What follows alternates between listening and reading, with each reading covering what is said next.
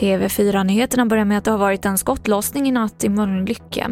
En man ska ha blivit beskjuten men inte skadats och händelsen utreds som försök till mord. Allt fler anställda på Sveriges anstalter hotas och utsätts för våld av de intagna. Det här visar preliminära siffror från kriminalvården som TV4 Nyheterna fått ta del av. Jörgen From Nordin är chef för kriminalvårdens säkerhetsavdelning.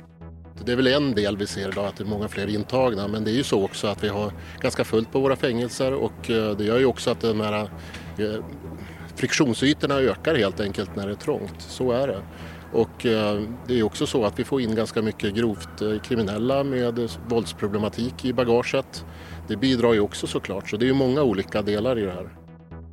Och jag avslutar med att berätta att delarna av den kinesiska raketkärnan Långa marschen 5B har störtat ner i Indiska oceanen. Detta enligt kinesiska myndigheter, rapporterar Reuters. Och det finns inga uppgifter om att någon ska ha skadats. Och det var det senaste från TV4 Nyheterna. Jag heter Emily Olsson.